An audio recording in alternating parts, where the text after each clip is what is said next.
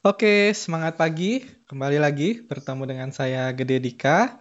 Nah, hari ini kita akan ngobrol-ngobrol lagi dan tentunya ada tamu yang spesial untuk hari ini. Ya, spesialnya kenapa? Karena untuk narasumber kali ini adalah seorang yang berkecimpung di bidang entertainment, yaitu maksudnya adalah di personal branding gitu ya. Dia sudah branding dirinya di beberapa platform. Ya, siapa itu orangnya?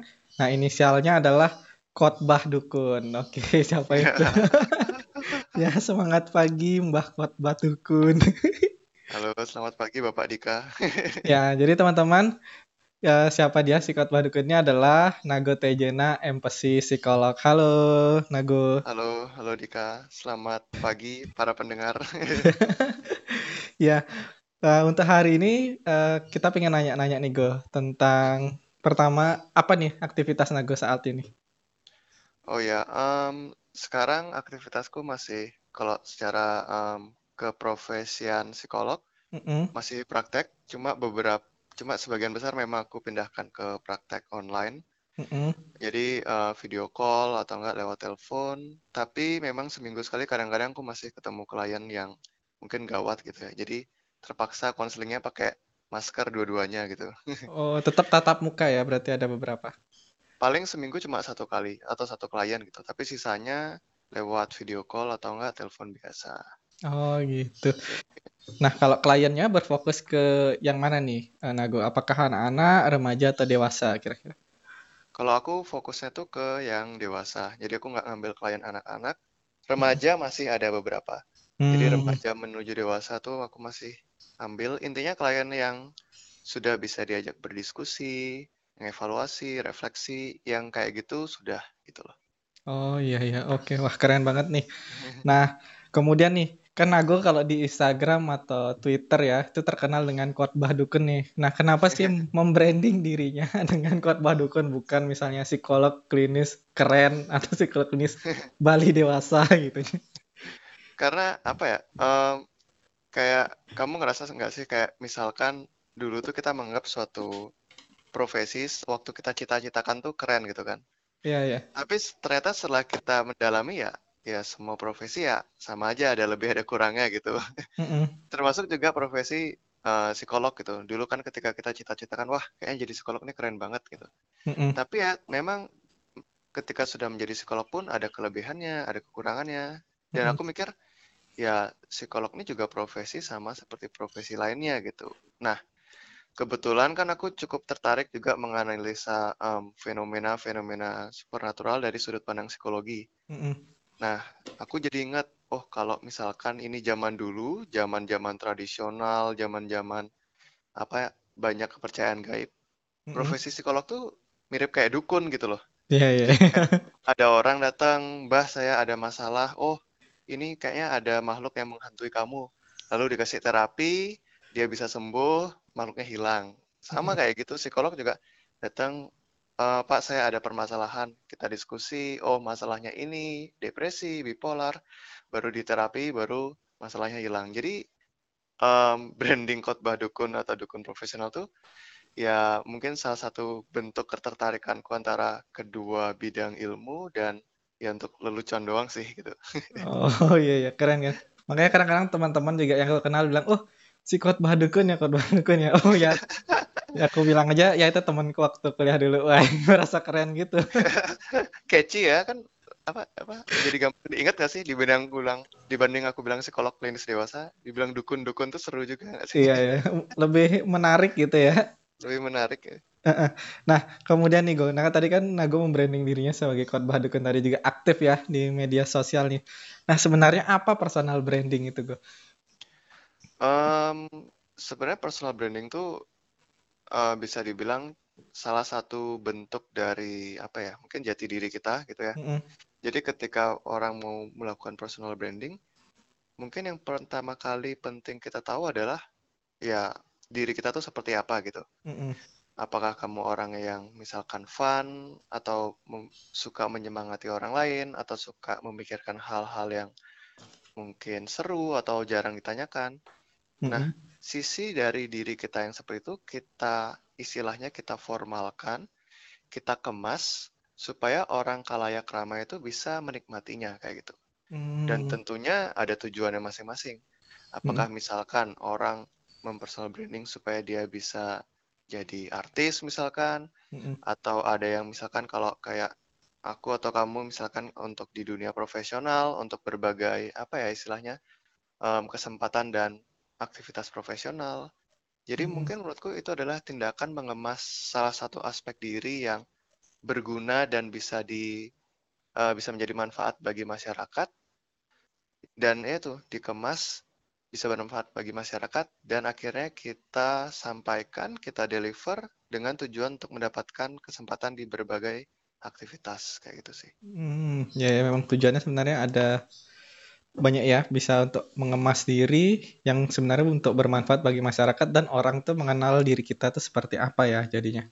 Ya gitu, kurang lebih gitu. Nah, kalau menurut Nago nih secara pribadi, kira-kira apakah setiap orang tuh perlu memiliki personal brandingnya gitu ya? Sehingga misalnya kalau melihat Dika tuh, oh Dika tuh image-nya apa? Misalnya outbound atau pendidikan, Hmm, ya, ya. misalnya seperti itu. Nah, kira-kira apakah setiap orang tuh perlu memiliki personal brandingnya, Go? Oke, kalau menurutku biasanya mungkin itu tergantung dengan kenyamanan orang masing-masing gitu kan. Mm, mm, Kalau aku sih biasanya mengatakan pertama tuh yang penting kamu mengenal dirimu sendiri gitu. Oh iya iya. Kamu tahu kamu orangnya kayak gimana, kamu tahu nyamannya kamu kayak gimana. Dan kalau kamu misalkan rela untuk um, mengambil sebagian dari dirimu dan itu dikemas secara profesional di personal branding, ya silakan lakukan. Tapi kalau misalkan mungkin kamu lebih santai dengan menyimpan sebagian dari dirimu itu secara privat, secara khusus, dan nggak apa ya, istilahnya nggak dibocorkan ke publik, ya nggak apa-apa juga gitu. Karena Mm. setiap orang beda-beda gitu. gitu. Oh iya iya. Jadi bagaimana dia ingin ya, meng, apakah mengeksplor dirinya atau tidak sebenarnya. Nah yang menarik tadi Go, tadi Nago sempat bilang eh, kenapa perlu personal branding itu karena bagaimana dia mengenal dirinya. Nah terkadang kita masih bingung nih, kan orang tuh misalnya suka banyak kegiatan gitu ya, Mhm. bingung sebenarnya eh, diri saya tuh yang seperti gimana sih yang menjadi personal branding saya gitu ya. Nah mungkin Nago bisa berbagi tips atau pengalamannya bagaimana akhirnya bisa menemukan oh akhirnya saya nih memang mau membranding diri saya di bidang yang psikologi berkaitan dengan spiritual nih. Bagaimana perjalanan bisa menemukan seperti itu akhirnya? Mungkin bisa dibagi tipsnya ke teman-teman. Oke, jadi kalau dilihat dulu, mungkin pertama tuh kita lihat dulu apa yang mungkin menghambat diri kita untuk mengenali diri kita gitu ya. Biasanya tuh gini, kita tuh terlalu disibukkan dengan berbagai banyak aktivitas, berbagai banyak tuntutan, baik tuh dari organisasi sekitar ataupun dari orang-orang sekitar gitu. Jadi misalkan kamu terlibat di organisasi kampus ataupun em, terlibat di tempat tentunya tempat kamu bekerja, kamu tentu diberikan banyak kesibukan, diberikan banyak tuntutan. Selain secara organisasional, tentu- tentunya juga dengan orang-orang sekitar gitu kan. Begitu pula di rumah misalkan, di keluarga, di teman-teman, kamu diberikan peran tertentu, kamu diminta melakukan suatu hal tertentu, di mana itu merupakan satu hal yang sah-sah aja gitu. Tapi kadang kita terlalu disibukkan oleh ini, kita terlalu mengejar dan mengarahkan diri kita sesuai dengan tuntutan mereka. Nah, sekarang biasanya aku menyarankan untuk sesekali mungkin ambil jarak dari semua kesibukan itu, baik dari kampus, baik dari kantor, baik dari keluarga, baik dari teman-teman. Ketika kamu punya waktu sendiri, mungkin baru kamu bisa mulai mengenal siapa dirimu gitu. Kadang-kadang kan misalkan kita, um, oh aku merasa diriku sebagai orang yang suka membantu. Tapi sebenarnya kalau kamu sendiri kamu nggak pengen-pengen banget kok bantu orang gitu.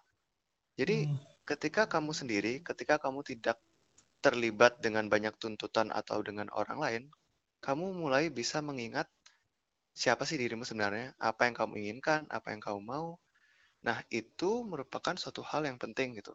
Kalau aku sendiri sih, itu baru aku rasakan ketika aku kuliah merantau ya, ke Oh. Bandung. Mm-mm. Jadi waktu itu aku benar-benar ngerasain kayak di sana tuh aku bebas gitu. Mm-mm. Itu kan tempat yang baru, di mana aku nggak ada keluarga, teman lama juga cuma sedikit. Mm-mm. Tumben Kalau aku merantau ya waktu itu ya. Iya, Aku merantau umur berapa ya? Baru umur 20, 23 ya? 23 baru merantau. Iya iya. Heeh. Tapi tetap efeknya luar biasa sih. Maksudnya, hmm, di sana tuh kan orang nggak kenal siapa aku. Aku bebas istilahnya um, tidak terikat dengan mungkin apa image orang terhadap diriku sebelumnya dan mm -hmm. lainnya gitu. Jadi di sana aku merasa lebih bebas dan ketika aku lebih bebas, oh mungkin sebenarnya ini diriku yang aku ingin sampaikan. Ini diriku yang aku ingin ceritakan ke dunia gitu. Mm -hmm. Nah karena kebetulan juga untuk menjadi seorang profesional psikolog juga memerlukan branding bagus mm -hmm. di dunia digital. Jadi aku sekaligus proses mengenali diriku tuh aku sampaikan ke um, dunia media sosial gitu. Dan itu prosesnya juga nggak langsung dik. Itu ah. beberapa kali gagal loh personal brandingku. yang pertama apakah sudah langsung ke yang saat ini atau beda Nggak. dulu? Yang nah. itu yang ketiga, ini yang ketiga dik. Oh yang pertama apa tuh?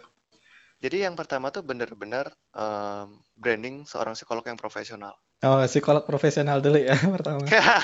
Jadi ya aku buat website, aku buat Facebook fanpage yang uh -uh istilahnya benar-benar sebagai seorang psikolog yang mengayomi, ramah, siap untuk konseling online gitu. Uh-uh. Tapi capek, Dik.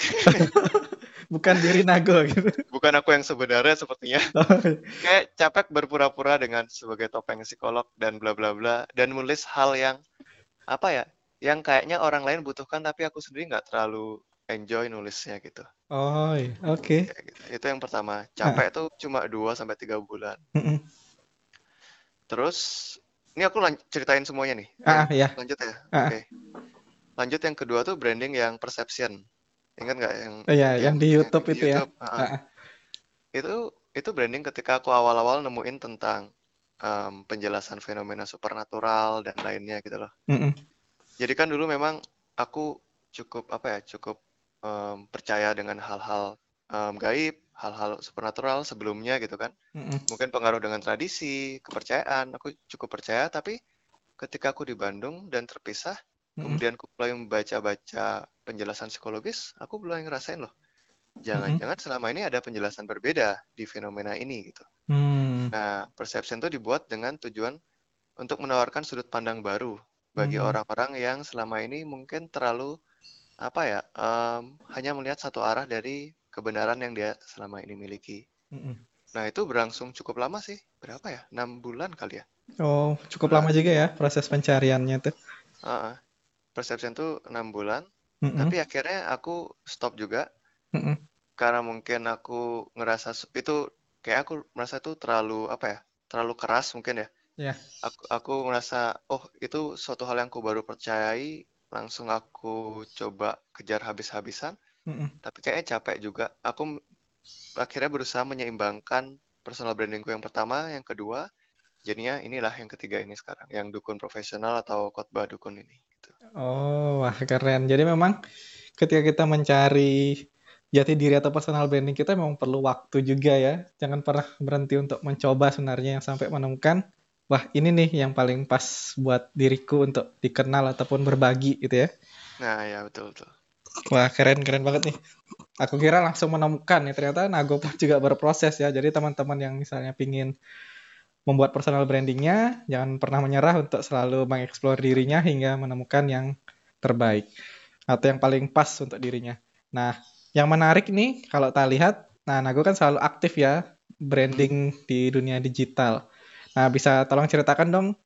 Nah, Nago ini mempromosikan dirinya tuh dalam media apa aja nih? Nah, kemudian yang paling efektif saat ini yang mana? Oh ya, jadi dulu itu aku mulainya di YouTube ya. Hmm. Karena mungkin aku memang orangnya suka ya suka nonton YouTube gitu kan. Hmm. Sama mungkin share-share sedikit di Instagram tentang apa yang diomongin di YouTube atau enggak tulisan-tulisan lainnya. Hmm. Itu berlangsung lama. Itu di branding kedua ya. Itu hmm. berlangsung lama. Eh taruh, di yang pertama itu pakai website sama Facebook. Oh, pertamanya website dulu. Ya. Hmm. Terus yang kedua ini pakai YouTube sama Instagram. Nah, itu belajar ngeditnya sendiri itu atau gimana? Sendiri, pakai pakai YouTube dan Google nyari-nyari caranya sendiri. belajar dari nol benar. Ya. Oh. Itu yang kedua. Terus yang ketiga nih hajar semuanya. Jadi Twitter, Instagram, Spotify sama YouTube gitu. Oh, gitu. Berarti udah coba. Website sudah pernah, YouTube juga, Spotify sama Twitter juga. Ya. Nah, kalau yang Nago lihat nih yang paling kira-kira antusiasmenya atau audiensnya lebih uh, dekat atau lebih engage-nya lebih dapat itu platform yang mana nih? Sejauh ini sih di Twitter sih. Sejauh ini di Twitter. Hmm. Itu sebenarnya cukup kesel juga sih dek. Maksudnya YouTube uh. tuh paling capek ngeditnya gitu. Udah belajar skill baru, ngeditnya lama.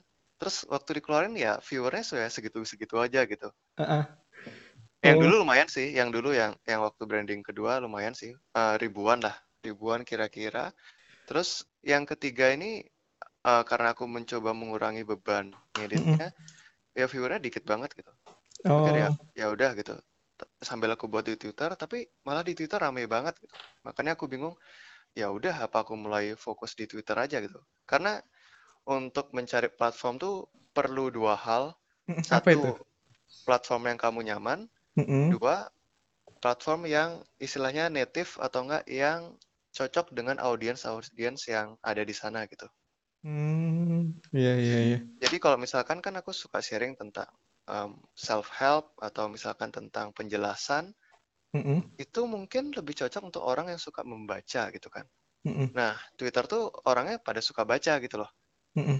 Dibandingin mungkin orang yang di Instagram, di Instagram kan visual um, gambar ya. Mm -hmm. Sama di YouTube, kalau YouTube itu kan audiensnya luas banget ya, dari yang yeah. bocah dari bapak-bapak yang suka hoax sama dari itu dari orang yang suka baca. Jadi kalau menurutku YouTube tuh terlalu random tapi Twitternya cukup segmented. Jadi mungkin karena itu aku cukup rame tulisanku di sana ya.